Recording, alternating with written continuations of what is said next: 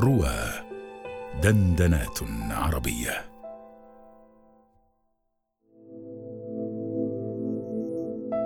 واعلم أنما بدأنا بذكر المحبة الطبيعية لأنه منها يرتقي أهل المقامات إلى ما هي أعلى منها حتى ينتهي إلى المحبة الإلهية. وقد وجدنا النفوس الحاملة لها إذا لم تتهيأ لقبول المحبة الطبيعية لا تحمل المحبة الإلهية. أبو الحسن الديلمي. للحب وجوه أخرى. ألقي بزاوية من جبهتي على زجاج المترو. أحملق في الفراغ. يأتي الرصيف تلو الرصيف. الصافرات تنطلق مع كل محطة. الأنوار الحمراء تومض. أقدام صاعدة. أقدام هابطة. عشرات الوجوه لا تستقر في الذهن أكثر من ثانية. تمر على عينيك كما يمر الماسح الضوئي على عشرات الأوراق في آلة النسخ الإلكترونية تدخل الأوراق وتخرج من الناحية الأخرى. في مكان ما من ذاكرة الجهاز تذهب تلك الصورة كما تذهب في ذاكرة المرء بلا رجعة. أخيرا أصل محطتي. جسدي النحيل لا يشكل أي عائق في الزحام. أنحشر بسهولة في طوفان النزول. أهرول على سلالم الصعود إلى سطح الأرض من جديد. لا أحب السلالم المتحركة أبدا تشعرني بالاستسلام والسكون. ربما لو كانت في سرعة قدمي نفسها وهي تلتهم السلم العادي لكنت اقتنعت بامتطائها. البشر فوق الأرض هم هم كما كانوا تحتها. وجوه واجمه حركة مستمرة. كل وجه سائر أو واقف هنا موظف عائد من عمله أو بائع متجول أو سائق أمام سيارته أو شرطي في إشارته كلهم لا يفعلون سوى شيء واحد. بيجري على لقمة عيشه. الحقيقة أنه لا يجري على لقمة عيشه فقط لكنها لقمة عيش صعبة. لقمة عيش تخطف من فم سبع جاثم على أنفاس الناس. كل يحارب من أجلها. ربما ذلك هو المفسر الوحيد لهذا الذي ستقفز حنجرته من حلقه وهو يزعق على بضاعته. هي المفسر الوحيد ليد أمين الشرطة المشكلة كالمغرفة المعقوفة من الخلف توضع بها الأوراق فئة العشرة والعشرين جنيها منطوية بخفة ورشاقة من كل سيارة في الموقف تمر. هو المفسر لهؤلاء الذين يتخطفون الناس عند مخرج المحطة. عاشر يا بيه. لا ده سابع. تعال هنا. بيقول مكرم مكرم عبيد تعال معايا. وكأن كل راجل منا سيحدد وجهته بناء على تلك العروض المغرية. أخيرا ألقيت بجسدي المتعب على مقعد الحافلة التي بدأت لتوها تتحرك من رمسيس. وقبل أن أحاول استجماع قواي بإغماض عيني قليلا لمحت جاري على المقعد ذا الوجه الآسيوي واللحية المميزة للسمت الإسلامي. وعلبة من الكشري بين يديه شارع لتوه في تناولها. أوشكت آلة النسخ أن تمرر صورته وتذهب بها إلى المكان السحيق نفسه الذي لا أعرفه ولكن عطل عملها فجأة صوته. تفضل يا أخي. أه لا شكرا. مادا يده يسلم علي بوجه باش. أنا اسمي عبد الرحمن. مستجيبا لسلامه. وأنا أحمد. بفضول فاتر سألت. من أين أنت؟ أنا من ماليزيا. أنت مصري؟ نعم.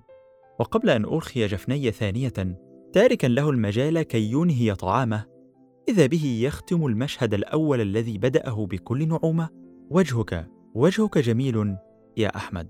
أفقت على كلماته وأدرت عيني نحوه. فوجدته قد بدأ فعلا بمزاولة مهمته في التهام الكشري بلا انتظار لاستلام رد. إلا من قبيل ده من ذوقك. جلست أفكر في طبيعة هؤلاء الصنف من البشر. المسلمون من غير بلادنا أو حتى الأجانب على الإطلاق. في حياتهم الكثير والكثير من الأشياء غير المرتبطة بأكل العيش. ربما هذا الطالب المغترب عن وطنه ليدرس العربية والإسلام ليس كذلك. ما يدريني؟ ربما يدرسها أيضا لوظيفة يحلم بها عندما يعود إلى وطنه. لا يهم. لكن لا يمكن إنكار ذلك الملمح الآخر. كم القيود الاجتماعية حتى في مجرد الحديث التي يتجاوزونها ويرجعون بها إلى أزمان تذكرني بعهد الإنسان الأول. يذكرني حديثه أشد ما يذكرني بأعلى قيمة في حياتي. الصراحة وكيف أشعرها مع هؤلاء الناس من أول كلمة؟ كيف تحس بحرارة كلامهم بنبضات قلوبهم بنظرات أعينهم الصادقة الواثقة؟ لم يكد ينتهي حتى بدأت أدير الحديث ثانية. وبدأ التعارف عن الدراسة والسن والأهل وشيء من الماضي وأشياء من المستقبل. قد يحدث كل هذا مع أي راكب من بني وطني ولكن بعدها بخمس دقائق تكون محطته قد حانت ليتوارى عنك للأبد. لكن هؤلاء لا يتركونك تتجاوز عشر دقائق من حديثك حتى يطلب منك أحدهم رقم هاتفك وبريدك الإلكتروني وثالثهما دعوة صادقة إلى بلادهم. بكل ما تحمل معنى الدعوة الصادقة من إقامة وسياحة بل وأحيانا عمل. لم أترك الحديث دون التعريج عن الحالة الاجتماعية والزواج وسنينه. أقصد سنه عندهم. وبالطبع تكون الإجابة الموحدة من الثامنة عشرة إلى الخامسة والعشرين. ولكن تعجب الشاب الماليزي هذه المرة كان من ضرورة وجود الشقة مع كل زواج فالمهر عندهم يكفي والكثير يعيش بدايات حياته الزوجية في بيت أهله أو أهلها على السواء. دعبته اذا على المرء أن يفكر بجد أن يتزوج من ماليزية. حانت محطته بعد نصف ساعة من الحديث بالعربية تارة وبالإنجليزية تارة عن العربية والقرآن أو عن الزواج والزحام عن الرياضة والإعلام أو عن الكشر والمزارات وبنهوضه من على مقعده. ينظر نظرة ثاقبة في عيني. نتبادل ضمتين سريعتين. ثم أحمد. إني أحببتك في الله. حديث يبدأ بوجهك جميل وينتهي بإني أحببتك في الله.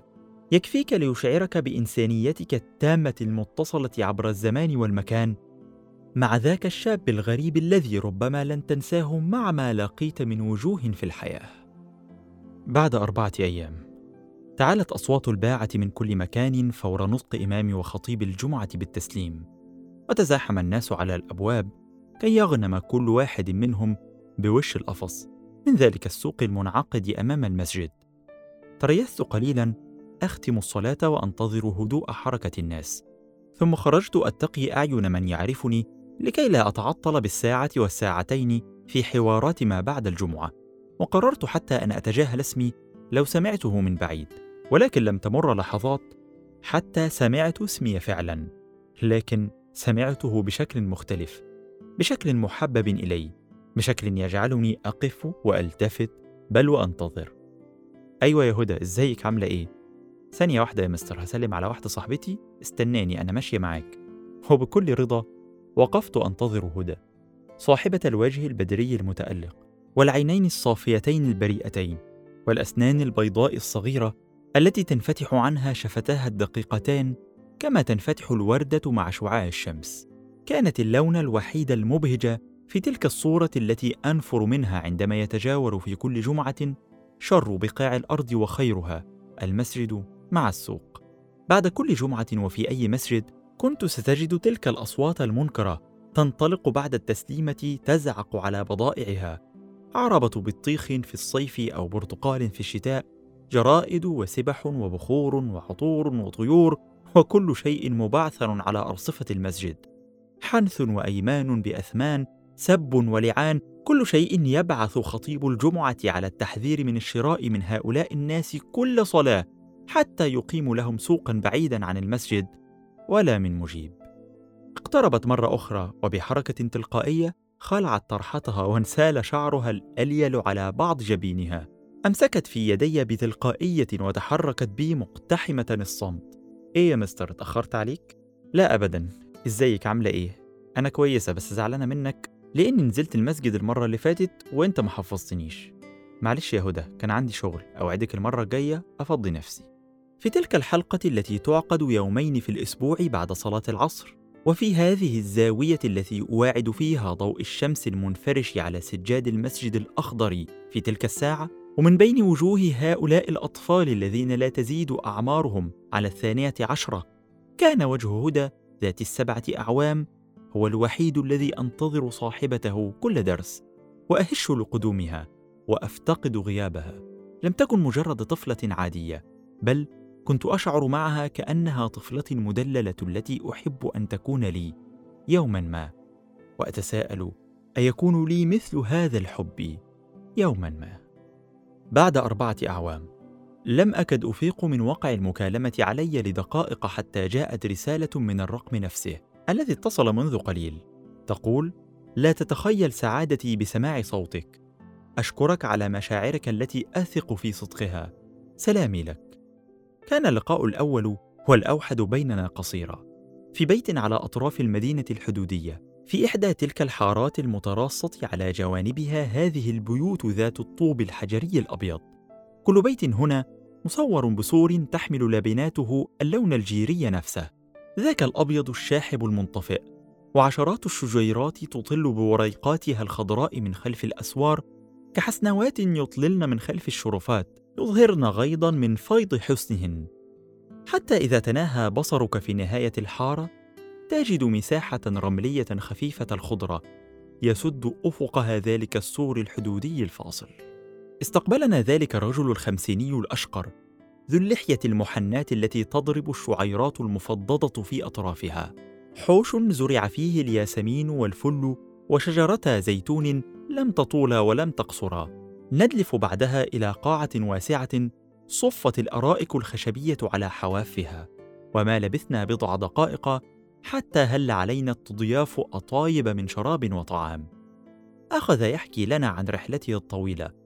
منذ الميلاد في فلسطين إلى الدراسة في مصر ثم الاعتقال في مصر ثم الاعتقال في فلسطين مرة أخرى ثم الانضمام إلى حركة الجهاد والتدرج فيها حتى صار الآن عضو المكتب السياسي للحركة والمتحدث الإعلامي لها لوقت طويل.